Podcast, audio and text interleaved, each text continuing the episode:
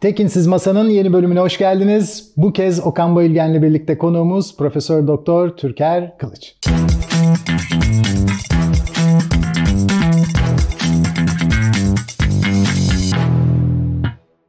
Hocam hoş geldiniz. Hoş Merhaba, geldiniz. Çok selamlar. mutluyuz sizde olmaktan. Sizi görünce hepimizin aklına zaten hekimliğinizin yanı sıra bağlantısallık geliyor. Hocam nedir bu bağlantısallık? Şimdi bağlantısallık yeni bir e, bilim paradigması. Biliyorsunuz e, bilim demek e, var olan hakkında bir zihin modeli oluşturabilme çabası demek.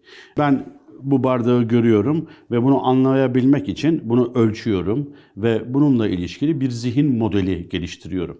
E, benim zihin modelim bu bardağı ne kadar doğru yansıtıyorsa ki bu dil matematik dili, e, bu e, elde ettiğimiz bu zihin modellemesi gerçeğe ne kadar yakınsa o ölçüde bu zihin modellemesi çalışıyor. Tabii biz sadece bu bardağa basit modellere bakmıyoruz. Varoluşun kendisine bakıyoruz. Yani ben sana bakıyorum, Okan'a bakıyorum ve böylelikle bir zihin modellemesi yapmaya çalışıyorum ki sizlere mesela bu programda en iyi şekilde eşlik edebileyim. Ve esas önemlisi yaşamın kendisine bakıyoruz. Ve yaşamın kendisine baktığımız zaman da onunla ilişkili bir modelleme yapma çabası içerisindeyiz. Ve insanoğlu e, bu belirsizliğe e, hep bakmış ve bu belirsizlikle ilişkili hep bir modelleme yapma çabası içerisine girmiş. Buna da bilim çabası, bilimsel yöntem adını veriyoruz. Ve e, en önce e, var olan herhangi bir e, cisme ait onun yüzeyel e, morfolojisine, yüzeyel şekline göre bazı modellemelerde bulunmuş.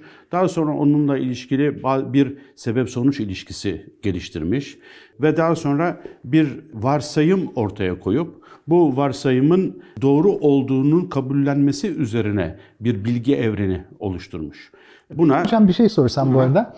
Bu modelleme bilimsel bilginin modellenmesi üzerine Aha. gidiyor ama aslında baktığımızda inançsal modelleme de mümkün, Tabii. sezgisel modelleme de mümkün, postmodern modelleme de mümkün.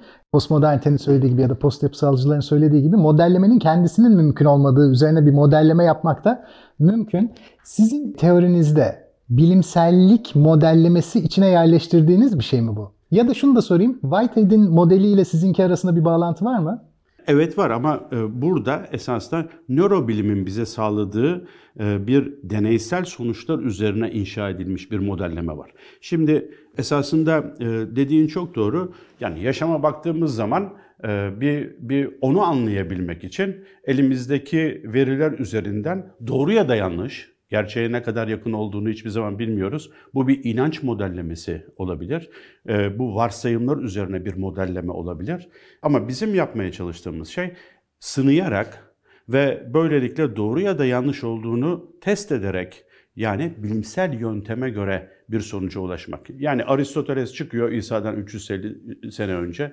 Diyor ki ben e, 10 kilogramlık demirle 1 kilogramlık demiri yere aynı anda atsam ağır olan yere önce çarpar. Evet uzun sürede böyle olduğunu zannediyorlar. 2000 Ama sene. değil. 2000 sene. Çünkü bu bir modelleme. Yani var olan bir varoluş eyleminin e, bir modellemesini Aristoteles yapma gayreti içerisinde. Ve zihne en yakın olanı e, öne sürüyor. Ağır olan önce diğere düşer. Aristoteles rasyonelist bir kurgu yapıyor. Yani Rasyonel... akıldan çıkan, bilim evet. deneyden çıkan bir şey yapıyor. Çok doğru ve böylelikle tümden gelimi oluşturuyor. Ve e, tümden gelime göre e, iki sözcük var. Biri varsayım, diğeri kabulleniş. Aristoteles bunu öne sürüyor, bu bir varsayım. Ve insanoğlu bunu 2000 yıl doğru olarak kabul ediyor. Çünkü Aristoteles böyle söyledi. Ne zamana kadar? Ta ki Galile 1610'da çıkıyor Pisa Kulesi'ne ve gerçekten de 10 kilogramda 1 kilogramı aynı anda yere e, bırakıyor. Ve diyor ki ikisi aynı anda yere çarpıyor ve diyor ki Aristoteles yanılabilir. İşte e, o andan itibaren varsayım hipoteze dönüşüyor ve bu hipotezin doğru ya da yanlış olarak e, sonucunun elde edilmesi ise yeteri kadar sınanmaya kendisini bırakıyor. Böylelikle baştan varsayım ve kabulleniş üzerine inşa edilmiş olan bilinmeze karşı tavırlanış yani tümden gelim ki o da bilimin bir aşaması. Biz hala tümden gelimi bugün hipotez oluşturmak için bilimin ana unsuru olarak kullanıyoruz. Çünkü sezgisel bir tarafı var ve hala orası bilimin esas lokomotifi. Ama ondan sonra bunun doğru olup olmadığının sınanması, yeteri kadar sınanması varsayımı hipotez yapıyor ve onun doğru olup olmadığının belirlenmesine de biz artık bilimsel yöntem yani tüme varım adını veriyoruz. Böylelikle tümden gelimin üzerine tüme varım inşa ediliyor. Ve bu çok önemli bir düşünce modellemesi dönüşümü çünkü beraberinde reformu getiriyor, rönesansı getiriyor ve işte bizim bugün Newton, Bacon, Descartes e, kültürü, bilim bilim metodolojisi dediğimiz ve içinde yaşadığımız bu uygarlığın temellerini inşa ediyor. Hocam bu modernite e, söylediğiniz gibi tamamen bunların üzerindeydi. Şimdi yeni bu hipotez ve sınamada gözlemcinin konumu ve gözlemcinin bakış açısı da işin içine dahil olunca tekrar sanki bir sorun ortaya çıkmış gibi oldu. Biz sanki eskiden modernist paradigmada bir şeyi tamamen steril ve aynı koşullarla tekrar tekrar tekrarlayabileceğimizi düşünüyorduk. Şu an öyle bir şey olamadığını düşünmeye başladık ve gözlemcinin ön yargılarının, bakışının, bulunduğu konumun işin içine girmeye başladığını gördük. E şöyle özetleyeyim. Demek ki biz bilimsel bilgi içinde de sürekli olarak değişim yaşıyoruz. Yani bir metodoloji içindeyiz ama bu metodoloji dogmatik değil, e, yenilenmeye açık ve Popper'ın söylediği gibi yanlışlanarak da ilerliyor. Dolayısıyla yanlışlanmaya elverişli bir evrendeysek tam da tutunacak yerlerimiz var mı yok mu ya da karanlığa alışkın mı gideceğiz? Şimdi esasında e, gözleyenin var olanın sebep sonuç ilişkisini değiştirdiğinin anlaşılması 1972'de Wheeler deneyine dayanır biliyorsunuz. O e, çift yarık deneyi. Yani bu esasında bağlantısallıkla ilişkili değil. Bu eskiden zaten yaşandı. E, böylelikle 1972'den itibaren Wheeler deneyinden itibaren o çift yarık deneyinden itibaren deterministik ilkeler sorgulanmaya başlandı. E, çünkü oluş seyredene göre de şekilleniyor. Dolayısıyla bir elektron yani yaptığınız deneyin biçimine göre parçacık ya da dalga olarak hareket edebiliyor. Bunu ne zaman bu keşfedilmişti? 72'de. Şimdi bu yeni olan şey ne? Yeni olan şey şu anda bu tümden gelimin üzerine eklemlenen tüme varımın üzerine bu bağlantısallık metodolojisi ekleniyor. Nedir bu? Şimdi e, biz herhangi bir bütüne e, baktığımız zaman o bütünü Newton, Bacon, Descartes çocukları olarak hep küçük parçalarına ayırıyoruz. Yani ben şu anda buraya toplantıya gelmeden önce mesela ya acaba Yalın daha önce neler yapmış ya Okan hocam daha önce neler yapmış diye bir bakıyorum. Böylelikle bu bütünü parçalara ayırıyorum. Çünkü sizin bireysel olarak yaptıklarınızdan birlikte ne, yap ne yapabileceğinize dair bir fikir elde etmeye çalışıyorum. Çünkü aklımız böyle çalışıyor. Beyine baktığımız zaman nöronlara bakıyoruz. Ya da herhangi bir binaya baktığımız zaman onun yapı taşına, tuğlalara onu ayırıyoruz. Ya da işte bir maddeye baktığımız zaman onu atomlarına ayırıyoruz ve atomları çalışarak madde hakkında ya da beyin hakkında bilgi elde edebileceğimizi varsayıyoruz. Ee, bu doktrini bize biliyorsunuz 1903'te Kayal e, ortaya koydu. Yani nöronal doktrin. Parçayı çalış, bütün hakkında fikir elde et. Ee, yani analiz, sentez. Newton, Bacon, Descartes çocuklar olarak hep böyle, aklımız böyle işliyor. Çünkü bilimsel yöntemimiz bu, bu anlayış üzerine inşa edilmiş durumda. Halbuki şimdi bu bağlantısallık bilimi diyor ki herhangi bir bilinmez olan bir bütün e, onu oluşturan parçaların aritmetik toplamından fazla bir şey. Bu fazla olan yer olan şey nereden geliyor? Bu fazlalık nereden? Çünkü sistemler belirli bir süre sonra bilgi işlemekle bu fazlalığı e, oluşturuyorlar. Bu fazlalık parçaların kendine ait bir özellik değil, parçaların birbiriyle etkileşmesi sonucunda oluşan bir fazlalık.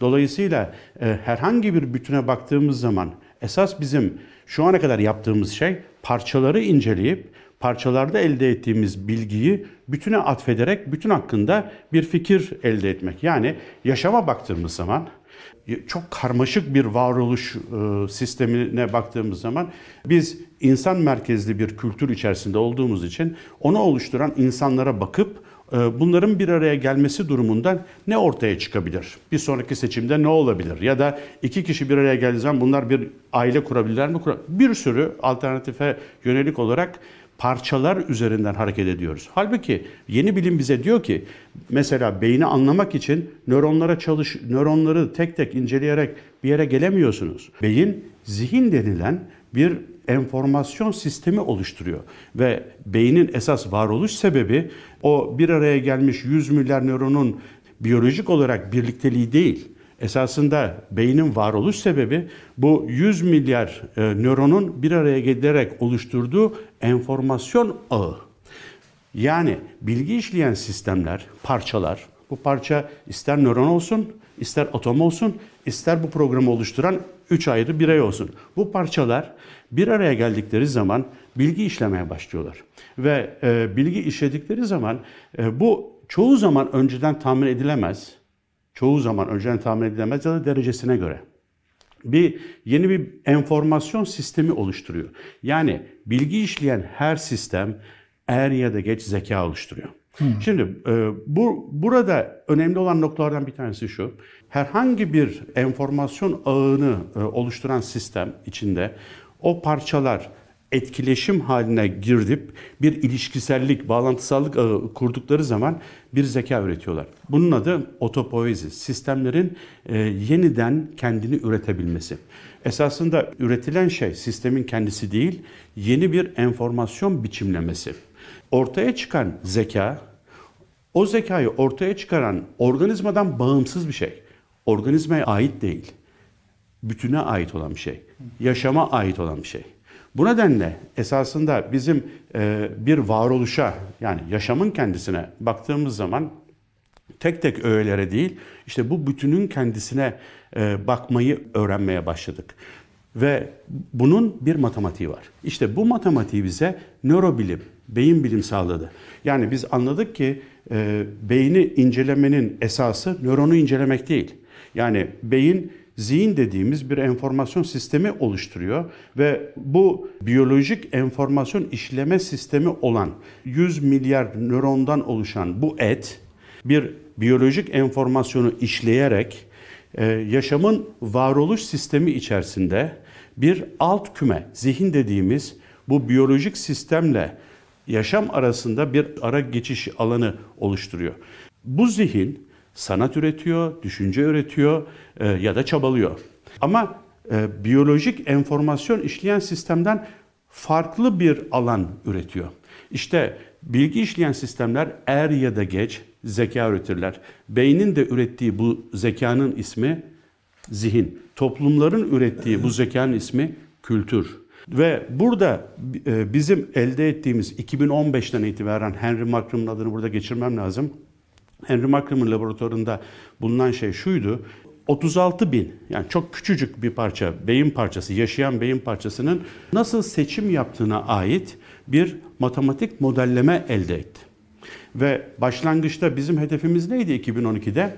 E, madem ki 100 milyar nöron var, her biri 10-15 bin başka nöronla bağlantısallık ağı içerisinde biz öyle bir modelleme yapalım ki e, bu modelleme mesela yeryüzündeki 100 milyar bilgisayarı her birini 10-15 bin başka bilgisayarla bağlayalım ve biz bir zihin elde edelim.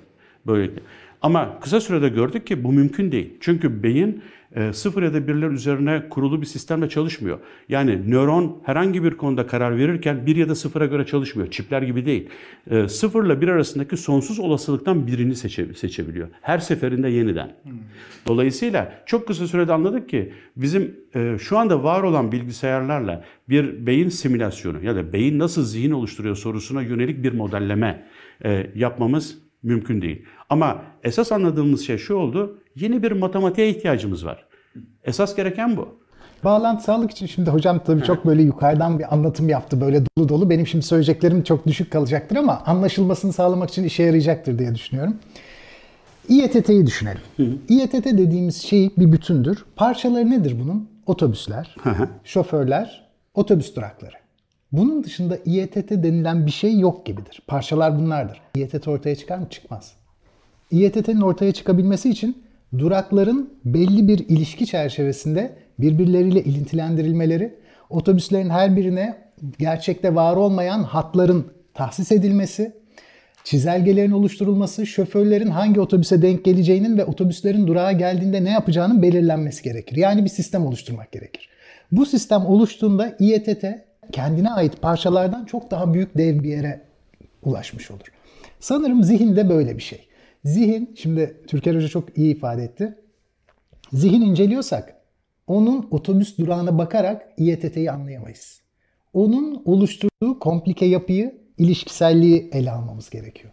Böyle bir şey olunca da bunun matematiksel modellenmesi yapılabilir mi, yapılamaz mı? Bu dev bir soru olarak ortaya çıkıyor. Hocam sizce böylesine karmaşık bir modelde hele ki söylediğiniz gibi sıfırla bir arasındaki sonsuz olasılıktan Her birisine keyfen gönderme yapabiliyorsa sanırım matematiksel olarak bunu olasılık bağlamında hesaplamak mümkündür ama günümüz şartlarında veya bizim beynimizin işleme kapasitesi çerçevesinde imkanlı değildir. İmkanlı.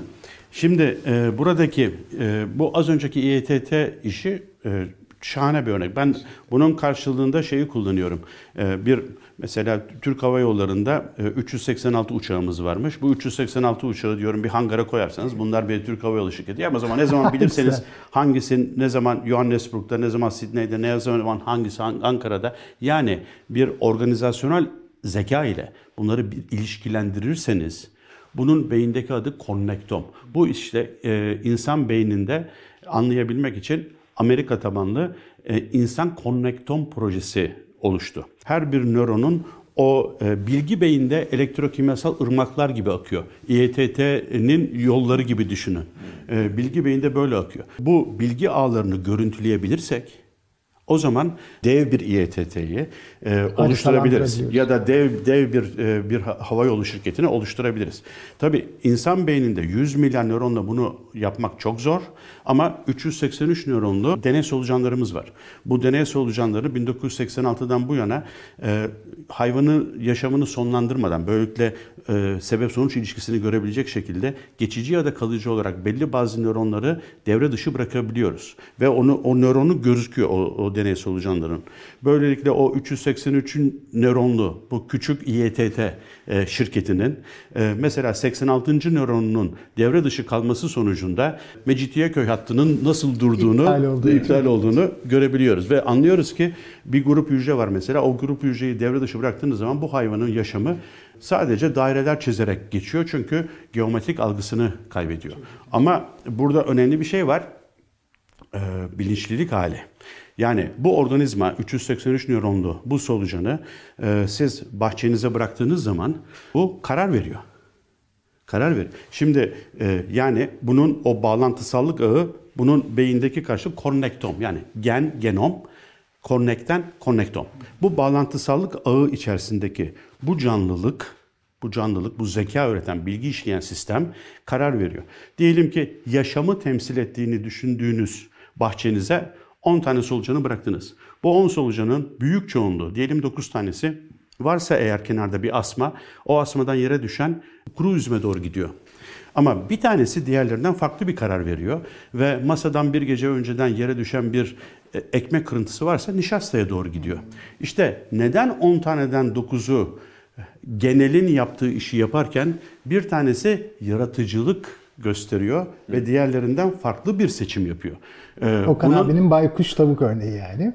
Ya, e, e, evet bilmiyorum. O da apayrı bir konu tabii ki. Evet. Avcı toplayıcı dönemdeki insanların bölünme e, şekli.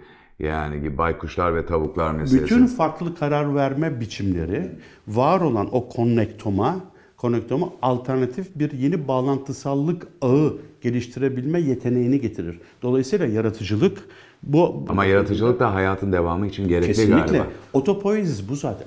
Otopoiesis dediğimiz şey yani sistemlerin her bilgi işleyen sistemin er ya da geç zeka üretmesinin insanlık açısından karşılığının ismi yaratıcılıktır.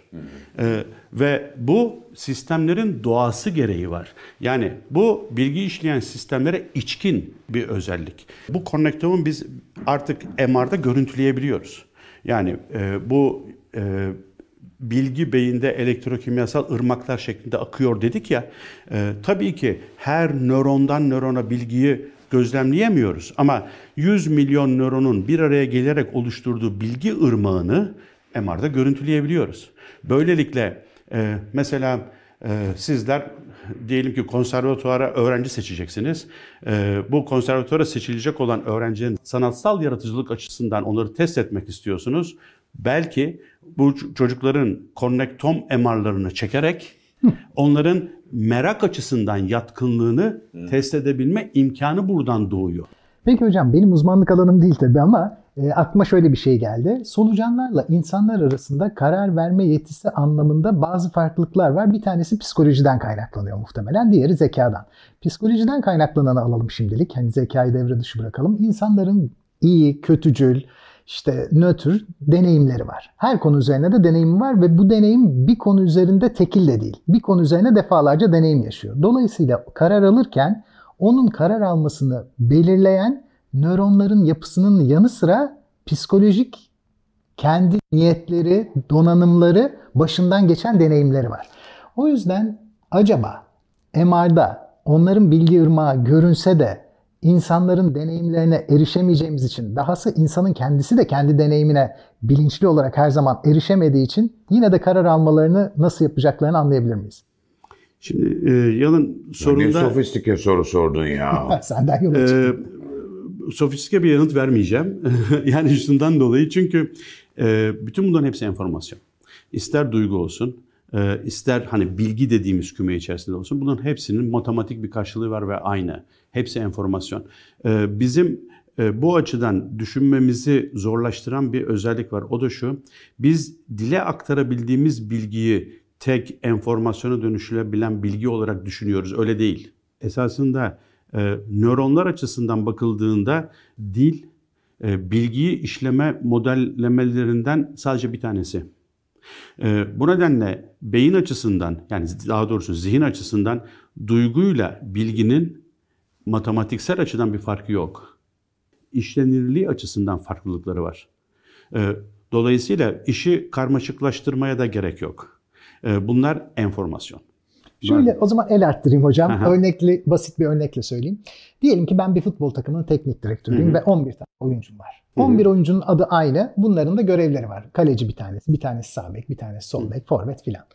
Ben bunları bu şekilde dışarı sahaya sürdüğümde bunlar aynı kişiler, aynı formayı taşıyorlar ve aralarındaki belli bir ilişkisellik var. Bu ilişkiselliğe göre oynuyorlar. Yerlerini değiştirdiğimde Hı-hı. Kaleciyi forvete alıp forveti kaleye aldığımda sağ açıkla sol açığı değiştirdiğimde bunlar hala sahada aynı kişiler olmaya devam ediyorlar. Fakat ilişkiselliği tamamen değiştirdim çünkü yetenekleri başka yerlerdeydi. Bunların birbirleri arasındaki pas trafiği, orta trafiği, konuşma trafiği, pozisyon alma trafiği değişti bir anda. Değişti. Şimdi bana kalırsa anılar ve yaşadığımız deneyimler buradaki o ilişkiselliği oyuncuları dizen yer. Evet. Bu oyuncuları dizen yeri biz MR'da görebiliyor muyuz? Hayır. Bakın MR'da bizim görebildiğimiz şey çok kaba. Şu anda e, bu yeni yeni ortaya çıkan bir teknoloji ama çığır açan bir teknoloji. Tabii ki şu anda kim cerrah olmaya çok yatkındır sorusuna şu anda verebileceğimiz bir yanıt yok. Ama hipotetik olarak bu mümkün olacak. Bu mümkün olacak. Mesela şu anda e, kimin dil yeteneği daha yüksektir sorusuna bir yanıt buluyoruz. Çünkü dili oluşturan beyin ağının e, ölçümü var. Bu, bu artık mümkün. 10 sene önce bu mümkün değildi. Ama merak tanımlanamamış bir enformasyon ağı. Ama enformasyon ağı. Bütün dediğimiz bu sistem zaten bu ilişkiler ağı üzerine kurulmuş olduğu için siz ilişki ağını değiştirdiğiniz andan itibaren bütünün kendisini zaten değiştiriyorsunuz. Dolayısıyla bu çok anlaşılır bir şey. Ve bunun artık bir, bir matematiği var. 2015'ten sonraki bütün matematik ödülleri hep bu enformasyon matematiğine verildi. Artık buna bir enformasyon matematiği adını veriyoruz. Ve 2012'de yola çıkarken biz hep zannediyorduk ki en yetkin bilgi işleme sistemi insan beyni. İnsan beyninden daha yetkin bir bilgi işleme sistemi yoktur. Kabullenişimiz böyleydi. Boşa çıktı şimdi öyle mi? Evet. insan beyninden daha yetkin bir bilgi işleme sistemi var. Nedir? Ya Okan abi senden büyük makine var. Nedir? Yaşamın kendisi. Yaşanmış. Yaşamın kendisi. Bir diğer elektrokimyasal. Yaşamın kendisi. Ee, bizim e, en yetkin bilgi işleme sistemi olarak insan beynini görüyor olmamızın altındaki yatan yanılgı e, Newton, Bacon, Descartes kültürünün oluşturduğu bu uygarlığın insan merkezli bir uygarlık olması yanılgısından doğuyor. Yeah. Halbuki bizim bu var olan yani bu e, bu varoluş ağına baktığımız zaman anlamalıyız ki bu yeni bilim işte bize bunu öğretiyor. Yani Newton, Bacon, Descartes kültürü çok önemli bir iş yaptı. Ee, ve dedi ki sen bu hayatı değiştirmek istiyorsan e, insan olarak kendin bir de bir değişim yaratmak zorundasın.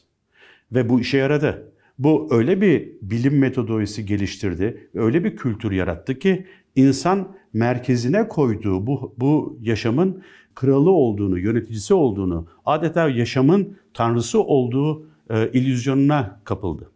Ama bugünkü uygarlığı da yarattı. Sonuçta bu uygarlığın yani 17. Ee, yüzyılda insan ömrü 38 yıl ortalamadayken şu anda işte biliyorsunuz 90'lı yıllara falan ulaştı.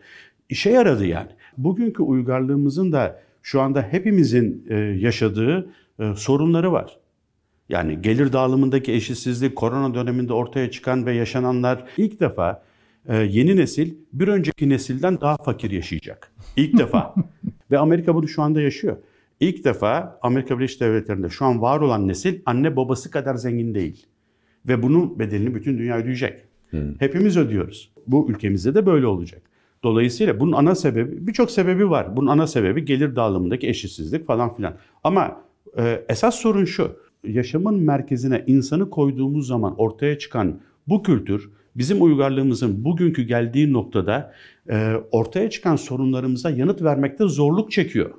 Koronada bunu gördük. Yani ilk defa insanoğlunun o çok güvendiği ordular, dini kurumlar, e, borsalar, bankalar 3 e, gün içerisinde önemsizleşti. İnsanoğlu yüzyıllar sonra ilk defa savaşamadı. Karşısındakinden korktuğundan değil, yanındakinden korktuğundan dolayı savaşamadı. Ondan bana bir şey bulaşacak mı diye. İlk defa savaşamadı. Koronavirüs dediğimiz şey 34 bin, 35 bin nükleotitli küçücük bir RNA enformasyonu. Bu da bir enformasyon. Yani yaşam dediğimiz şey iç içe geçmiş bu enformasyon kodlamalarının e, oluşturduğu bir bütün. Bir bütün. Koronavirüs de bunun küçük bir parçası. Yeni matematik bize neyi sağladı biliyor musunuz? İşte Wuhan'dan ortaya çıktığını düşündüğümüz e, bu e, bu yayılım, e, bu küçücük 30 bin nükleotitli bu e, RNA enformasyonu e, içine girdiği kendisinden 100 bin kat daha büyük insan genomunda hastalık dediğimiz yeni enformasyon kodlaması biçimine sebep olup tüm dünyada ekonomik, sosyal, sanatsal, işte e, Türkiye'deki e, sanatçıların, müzisyenlerin e, evine ekmek götürememesine kadar varacak bir sosyokültürel bir pandemi dediğimiz e, apayrı bir e, enformasyon dalgası oluşturdu. Wuhan'dan ortaya çıkan bu dalga, bu yayılım esasında bunun matematiği aynen beyinde epileptik bir atağın yayılması gibi. Şimdi eskiden eskiden deterministik sistemin içerisindeki e, bilim insanları olarak bizler, Newton, Bacon, Descartes bilimcilerinin e, sık konuştuğu e, bir durum vardı. Bu kaos teorisi. Çünkü deterministik sistem içinden baktığınız zaman bu taraftaki bu bağlantısallık bilimi kaos gibi gözüküyor. Ve meşhur örnektir Güney Amerika'daki bir kelebeğin kanat çırpışı e, başka bir kıtada kasırgaya sebep olabilir. Evet olabilir. Ve e, Güney Amerika'daki bir kelebeğin kanat çırpışının bir başka kıtada kasırgaya sebep olma ihtimali Wuhan'da meydana gelen e, bir RNA mutasyonunun tüm dünyada böylesine sosyoekonomik bir dönüşüme sebep olma ihtimalinden esasında bakılırsa daha küçük. Türker Hoca bizi tabii Türker Hoca'nın kitaplarına gidip için... kütüphanedeki kitaplarına bir daha dalmak istiyorum. ben de. Ben de oh, Hoca müthiş. Çok güzel bir konuşmaydı. Türker Hoca'dan dinledik. Profesör kimliğinin de ötesinde. Çünkü artık sadece bir konunun uzmanı olarak değil, bize biyolojiden, felsefeden, sosyolojiden, yapay zekadan adını vermeden bahsetti. Her şeyi çok güzel topladı. Tabii aslında üzerinde çok konuşulacak şeyler de var.